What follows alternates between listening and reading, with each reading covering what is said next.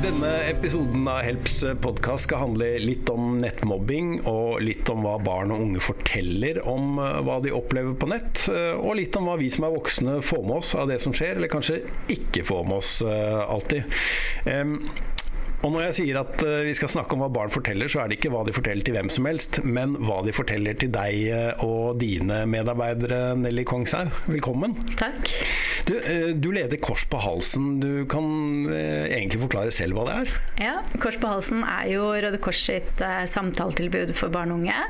Og Der kan alle barn opp til 18 år ta kontakt og snakke om absolutt hva de vil. Om det er forelskelse, lekser, eller om det er hvordan lage vaffelrøre. Til de litt tyngre temaene som ja, selvmordstanker, selvskading og mobbing, og det som skjer digitalt, selvfølgelig. Så de som eh, jobber der, må egentlig kunne svare på alt, det da? Ja, eller både ja og nei. Eh, Vi er jo, det er jo en Røde Kors-aktivitet. Det vil si at det er frivillige som svarer på alle henvendelsene, som kommer inn på mail, chat og telefon. Eh, Og de får selvfølgelig god opplæring i forkant i hvordan snakke med barn og unge om egentlig alle temaer. Så vi baserer oss mer på en tema, eller en metode, -hmm. og lærer litt om verktøy. Hva kan man gjøre i en samtale for å få god flyt, eller hvordan vi skal lytte aktivt i samtalene. Og med den metoden så tenker vi at da spiller det egentlig ikke noen rolle hva temaet er. Eh, For vi skal ikke sitte med svarene. Vi tror på at eh, barna har masse ressurser og vet egentlig innerst inne hvordan de skal løse de ulike utfordringene. De trenger bare kanskje å lufte det med noen eller drøfte det med en voksen. Få en sånn sparringspartner, da. Mm. Er det noen nedre øvre aldersgrense for hvem som kan ta kontakt med dere?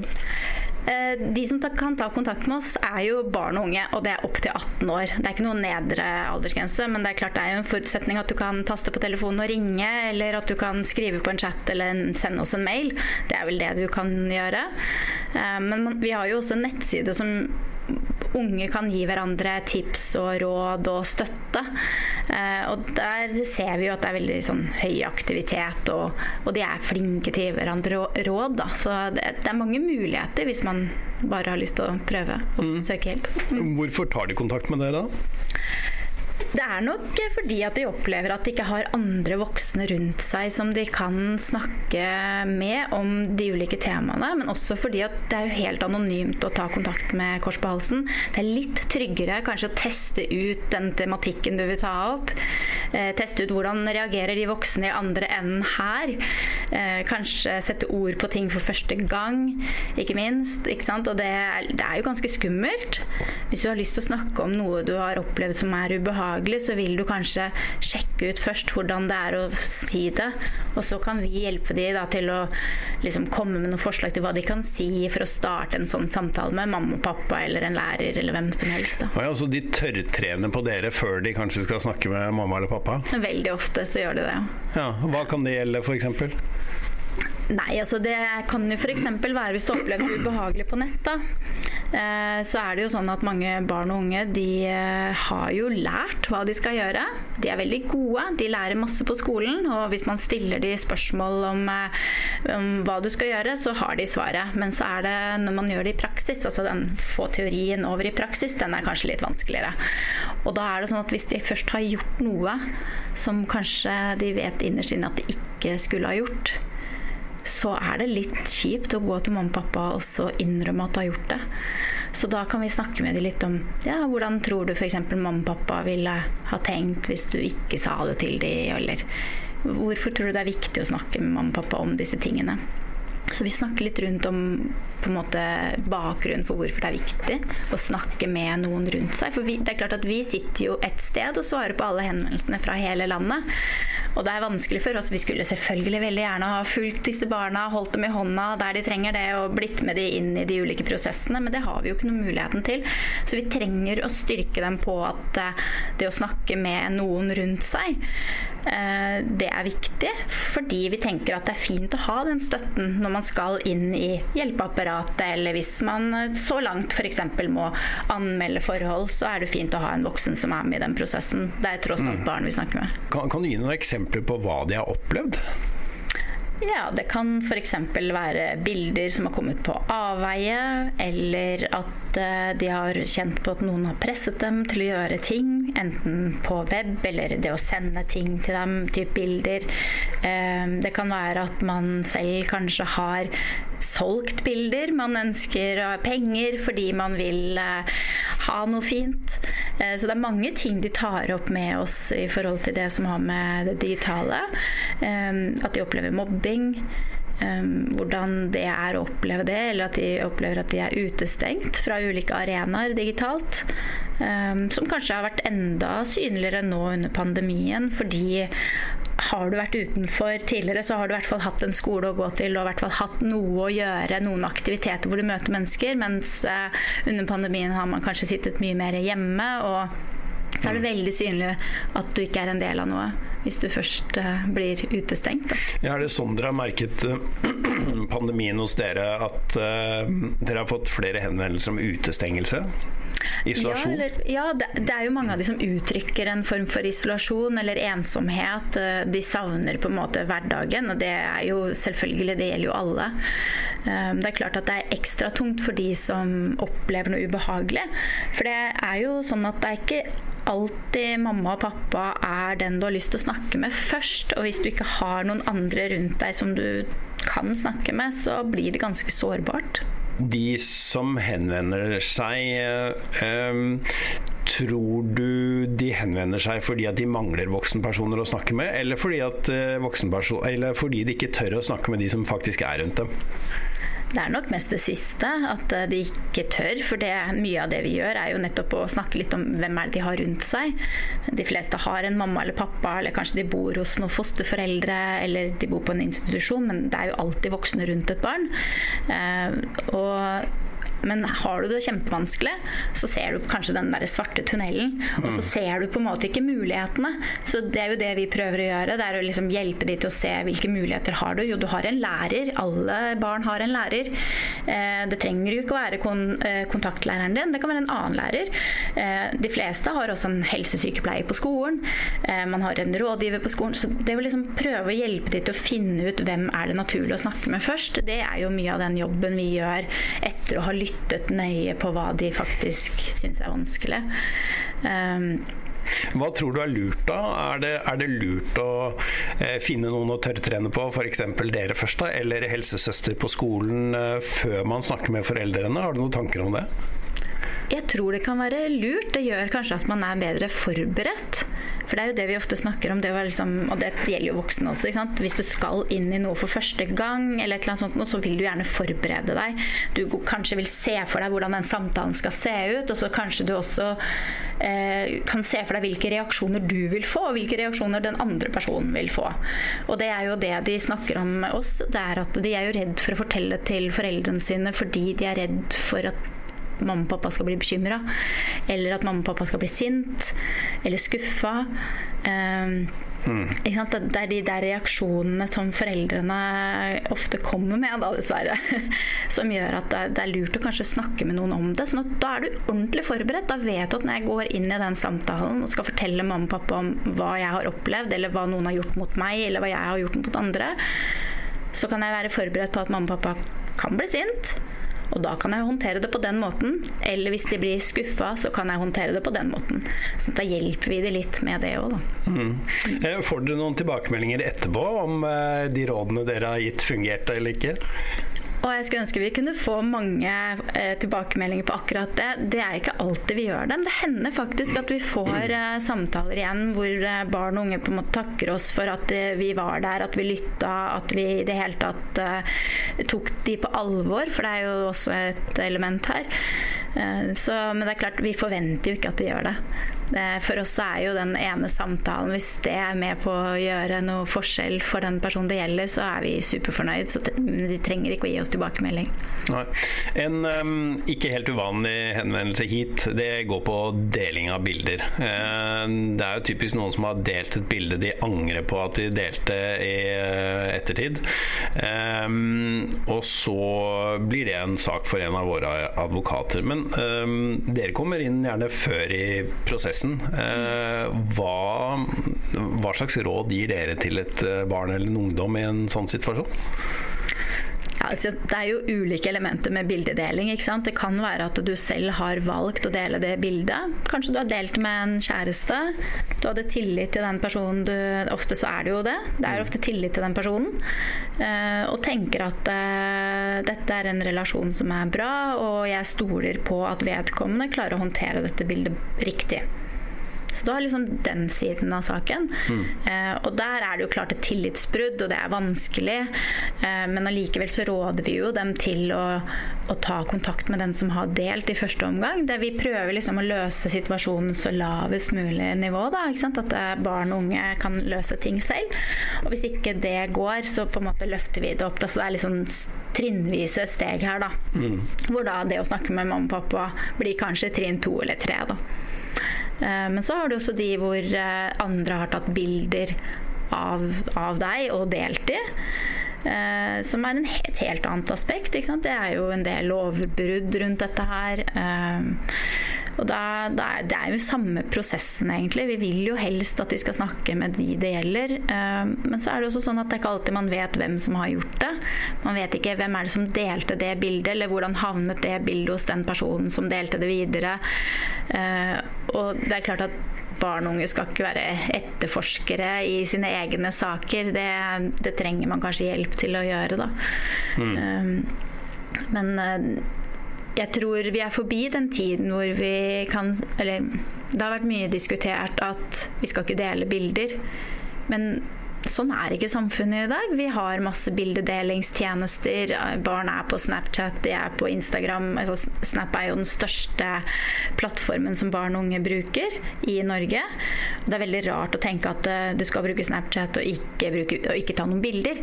Uh, så det er klart at det å si at ikke send bilder av deg selv det er veldig vanskelig. Men det vi kan gjøre, er at vi kan snakke om hva slags type bilder sender du.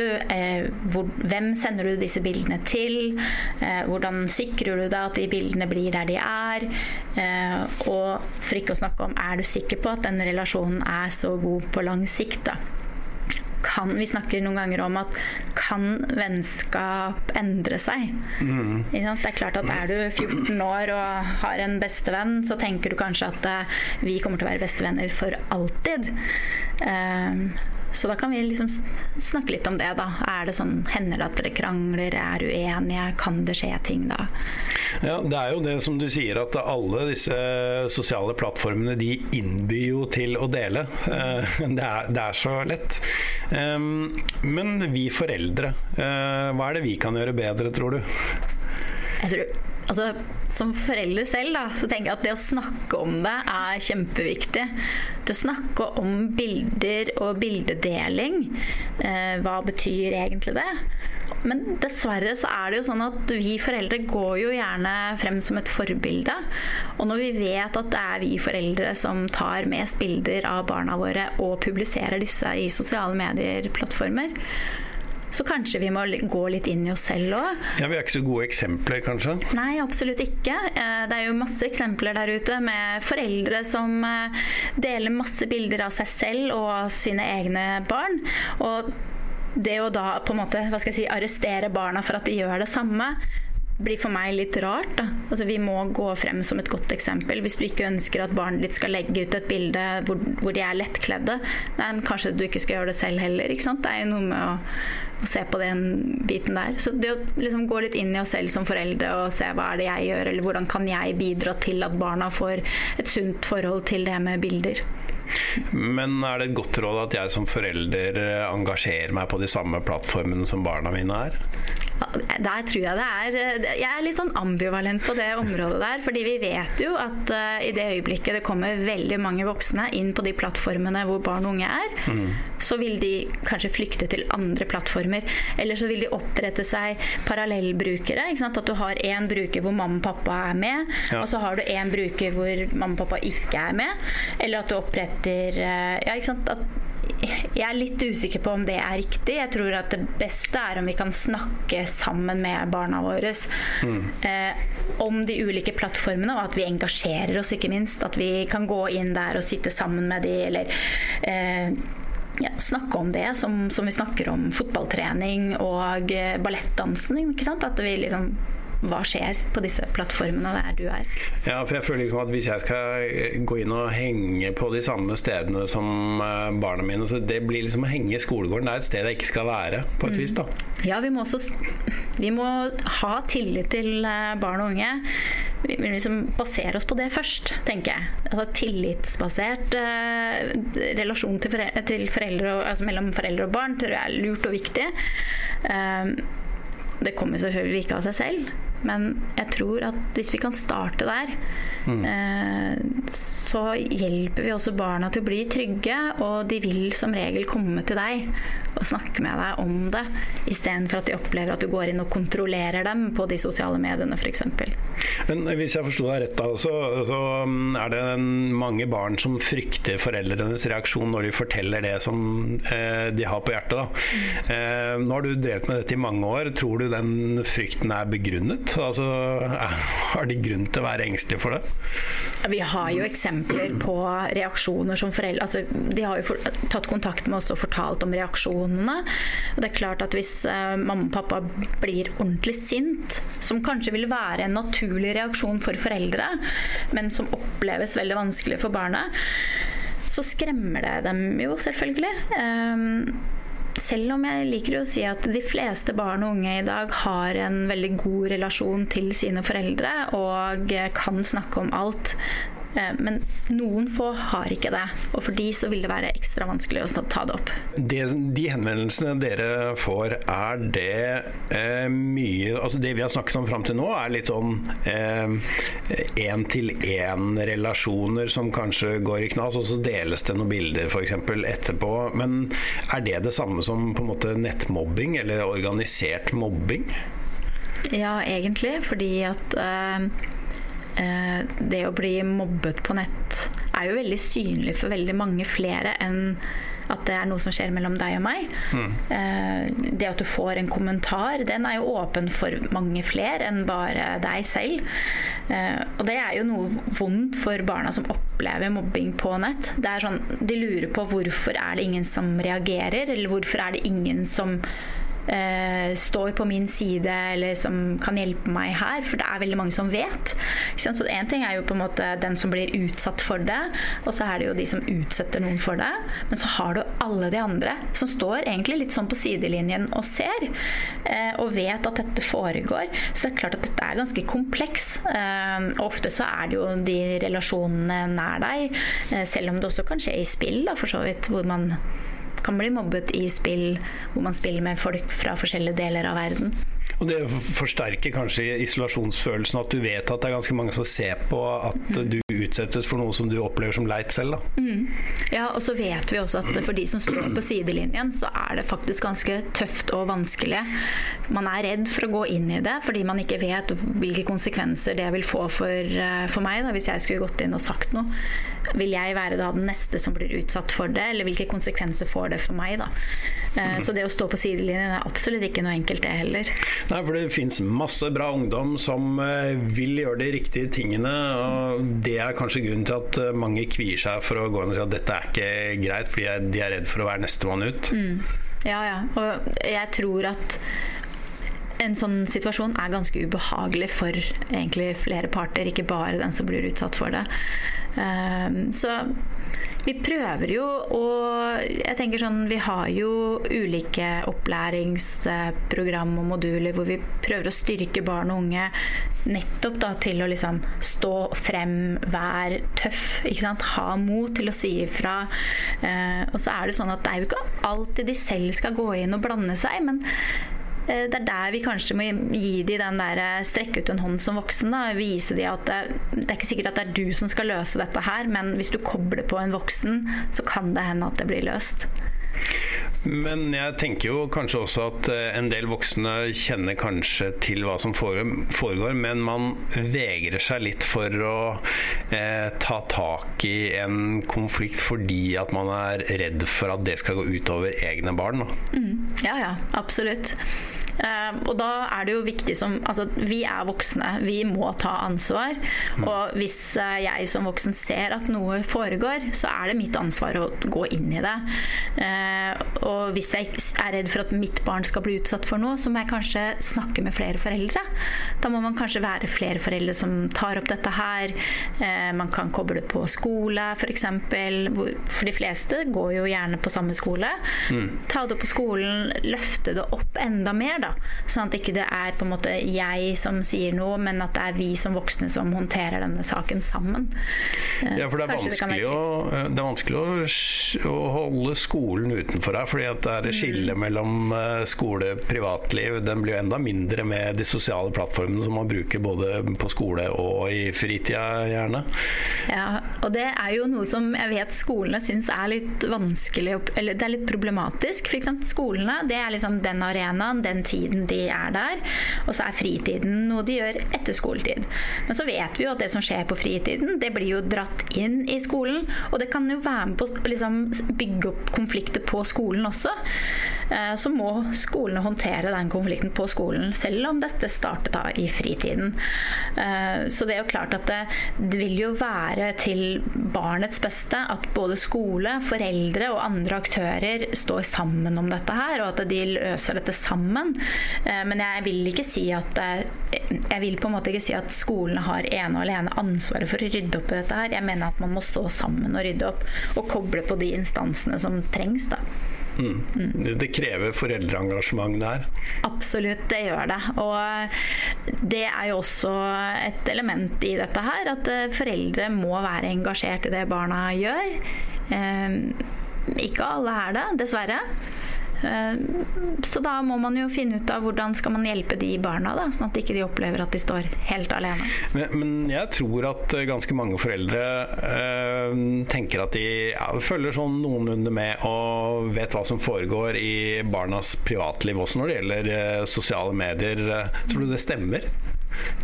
Eh, for de fleste så stemmer det nok ganske godt. Eh, som jeg sa, så har de fleste foreldre og barn har god relasjon, og de snakker sammen mye. Vi skal ikke glemme det at eh, ungdom har jo et eget liv også. Vi vil ikke vite alt. Sånn er det. Mine foreldre visste ikke alt hva jeg drev med heller, og sånn tror jeg det skal være. Um, så nei, vi må gjerne tro at vi vet alt, men det, da tenker at det stemmer nok ikke. Ut fra det du sier da, så er det jo ikke alle foreldre som vet alt. fordi at eh, det dere vet, er jo at det er mange barn som kvier seg for å snakke med foreldrene sine om et eller annet. Er det da noe jeg som forelder kan Er det noen signaler som eh, jeg kan se etter som eh, er tegn på at kanskje ikke alt er så bra som jeg håper og tror, da? Mm. Det første jeg pleier å si når jeg snakker med foreldre om det som skjer på nett, det er at se om du finner noen endringer i atferd eller uh, mønster de pleier å gjøre. Da. Uh, hvis et barn plutselig blir veldig stille, eller kanskje mer sint, urolig, isolerer seg mer på sitt eget rom, eller ja, at du ser at det er en endring i hva, hva som skjer fremover, da. så tenker jeg at da er det greit å ta tak i det og si at du har observert det. Vær åpen og ærlig og si at jeg har observert sånn og sånn. er det noe som har skjedd, eller er det noe, ja, noe du vil snakke om? Men så er det det at eh, de sier jo ofte til oss at de, de skjuler ofte følelsene sine. Sånn type at jeg, jeg, smiler og er glad, men det er egentlig bare utenpå. Inni så har jeg det vondt og vanskelig. Uh, og så snakker vi gjerne med barn om okay, hva er det som er grunnen til at du må skjule det, og hva er grunnen til at du ikke kan vise at du er sint eller lei deg. Uh, og da er det jo fordi at det er det bildet folk har av meg, at jeg er en blid person. Ja, og det bildet der, eller det der eh, sikkerhetsnettverket der, kan være vanskelig for foreldre å bryte gjennom òg, mm. hører jeg. Ja, absolutt. Mm. Det det. Eh, men eh, jeg hører at dere legger terskelen veldig lav for å ta kontakt med dere, og det skal ikke være farlig. Men så nevnte du innledningsvis at dere følger en metode. Altså hvordan, hvordan blir man møtt når man kontakter dere? Altså, når de tar kontakt med oss, så er det jo sånn at vi lover dem at når de tar kontakt, så møter de en voksen person som lytter. Så metoden vår handler egentlig mer om hvordan lytter vi? Hvordan gjør vi det i en samtale? Og kanskje spesielt fordi mange av de samtalene våre er jo digitale, altså vi er på chat. Eh, så vi snakker mye om ok, hvordan åpner du en samtale?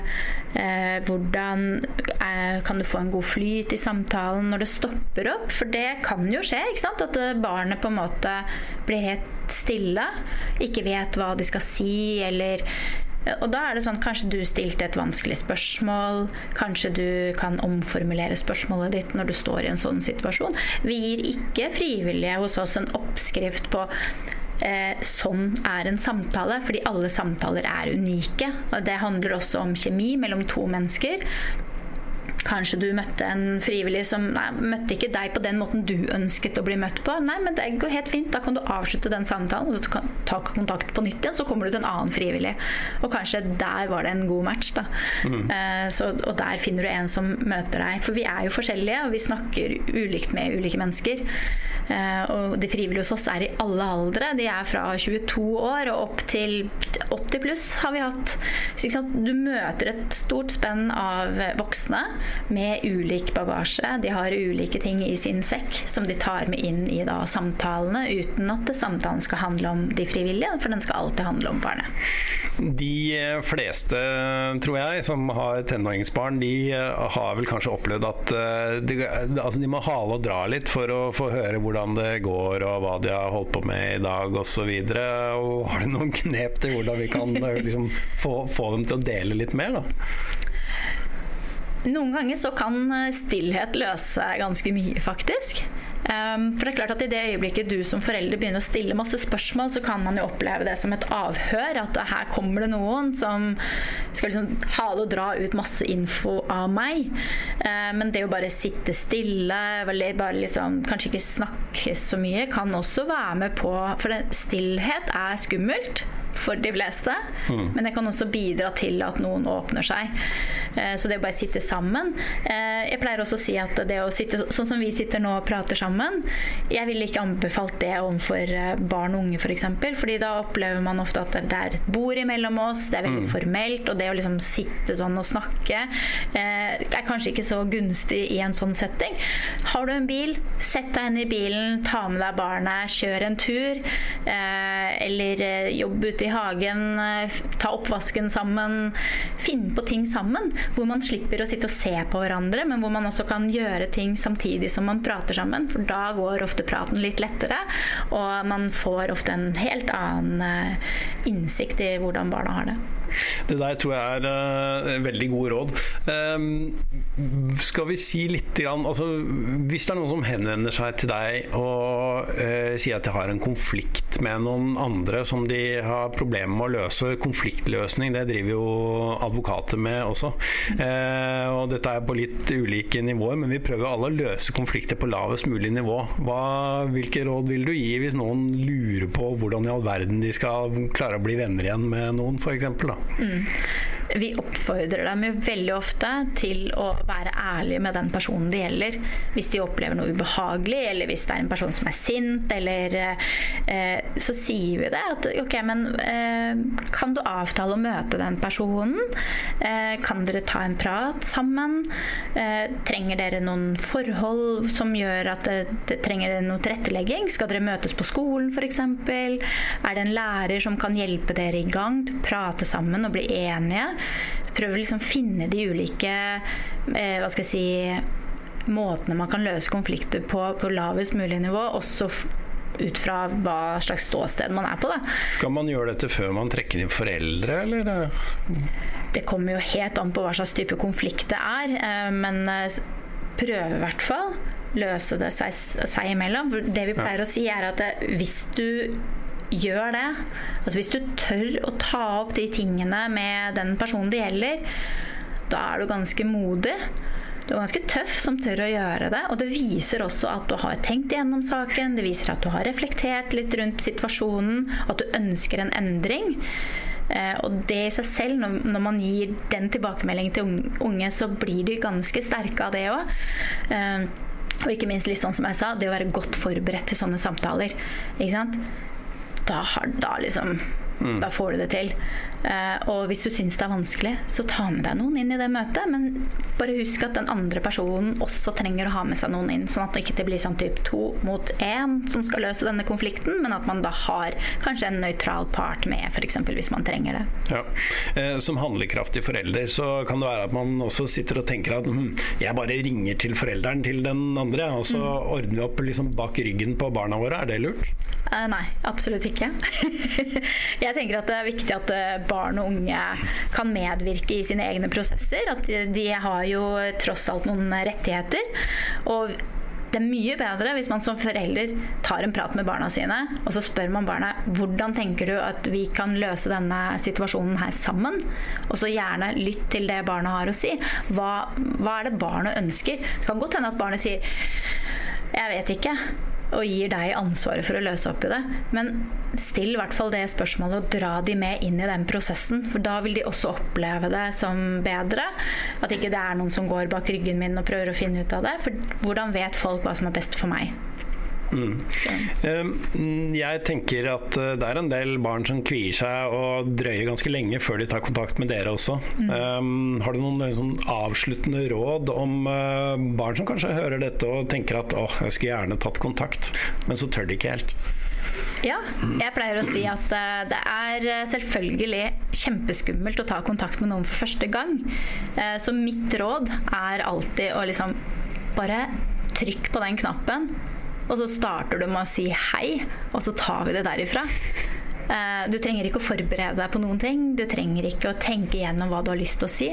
Vi finner ut av det der og da.